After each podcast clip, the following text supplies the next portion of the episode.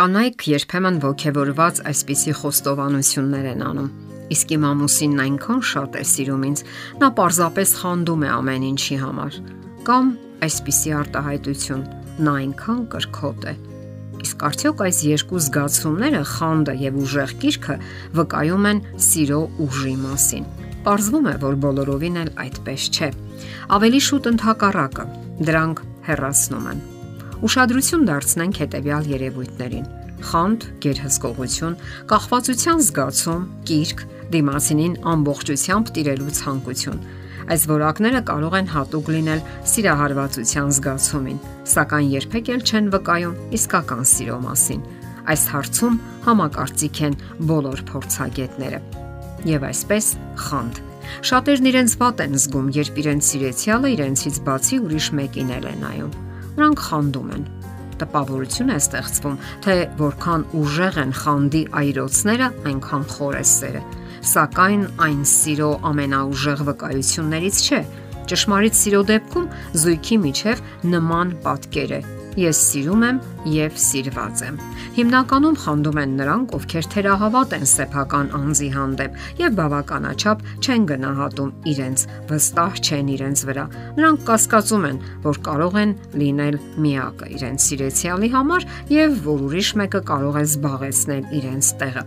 Իսկ արդյոք իրենք սիրում են իսկապես խոր եւ անկեղծ Նրանք նման հարց չեն էլ տալիս իրենց, եւ փաստորեն նրանց հետաքրքրում է հարցի միայն մեկ կողմը՝ իրենք իրենց անբավարար ինքնահարգանքը եւ որ ինքնուրույն գործող անznավորություն չեն, որ ամբողջ ուշքը դիմացինների մեջ է, որ հանկարծ սիրեցյալին չխլեն իրենից։ Իսկ ահա դիմացինի կարծիքներն ու անհատականությունը հաշվի չի առնվում։ Նա ընդհանրապես իր սիրո առարական է եւ խանդի գործիքը։ Ուշագրավ է, որ հոգեվեր լուծաբան Ժան Միշել Հիրտը այս ամենի մեջ տեսնում է նաեւ էրոտիկայի տարրեր։ Նա գրում է. Դրանից բացի խանդը սատարում է էրոտիկ ցանկությունը, իրենց հարաբերությունների մեջ ներգրավելով թեկուզ եւ երևակայության մեջ մի երրորդ անznավորության՝ մրցակցին ինչ կարելի ասել գերհսկողության մասին։ Զույգերը այսպես են արդարացնում գերհսկողության իրենց մոլուցքը։ Ես միշտ հոգում եմ քո մասին, հսկում եմ, պաշտպանում եւ սատարում։ Թվում է թե սա անznազողություն է, մարդասիրական եւ իսկապես սիրո արտահայտություն սակայն իրականում ավելորդ հսկողությունը վկայում է այն մասին, որ այդ անznավորությունը այնքան էլ չի վստահում իր ուժերին։ Նա կասկածում է, որ իրեն կարող են սիրել, որ ինքն արժանի է դրան, եւ հենց դրա համար էլ սկսում է բավականաչափ ջանքեր գործադրել, որpիսի արժանանա այդ սիրուն։ Դա նաև ճնշման լծակ է, որով ցանկանում է իր մոտ պահել սիրեցյալին Դրանով նա այսպիսի ուղերձ է հղում. Եթե ինձանից հեռանաս, ուրիշ ոչ մեկը այսպես չի հոգա քո մասին։ Սակայն միանգամայն հստակ է, որ դա լուրջ անհանգստություն եւ անհարմարություն է պատճառում այն անznավորությանը, ով մշտական հսկողության տակ է եւ չի կարողանում իրեն դրսևորել։ Յուրաքանչյուր հանդիպում, հարաբերություն եւ նույնիսկ հայացք դառնում է խոսք ու զրույցի վիճաբանությունների առարկա։ Իսկ ինչ կարելի ասել ճափազանց ուժեղ կրքի մասին։ Այս դեպքում մարդը կարծես ապրում է իր աշխարհում, իր հույզերի եւ ապրումների աշխարհում։ Դիմացինը ընդհանրապես նրա հույզերի ենթական է։ Նրանք կտրվում են իրական կյանքից, խլացնում կյանքի իրական գույները Նաև անկեղծորեն չեն շփվում միմյանց հետ, ճունեն խոր մերձության զգացում։ Դրանով հաճախ ժամանակավորապես քողարկում են այն դատարկությունը, անըմբռնողությունն ու փակուղին, որի արժև կանգնում են հարաբերությունները։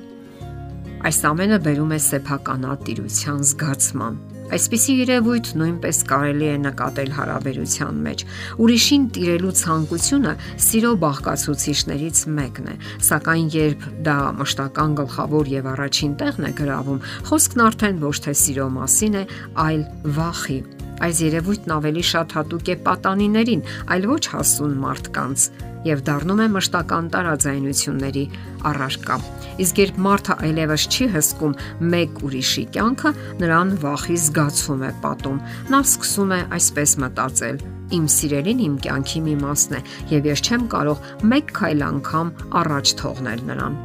Սեփականատերը՝ ի տարբերություն մյուսների, այնքան էլ չի ձգտում միաձուլվել սիրելիի հետ, որովհետև անհնար է զուլվել նրա հետ, ում արդեն քո սեփականությունն ես համարում, եւ կորցնելով հսկողությունը մեկ այլ մարդու հանդեպ, սեփականատերը կարծես զգում է, որ սпарնալիքի տակ է հենց իր կյանքը։ Նա այլ կերպ չի պատկերացնում իր գոյությունը, այն տպավորությունն է, թե նա զրկվել է իր կենսական հենարաններից կամ ուժերից։ Ինչ կարելի ասել կախվածության մասին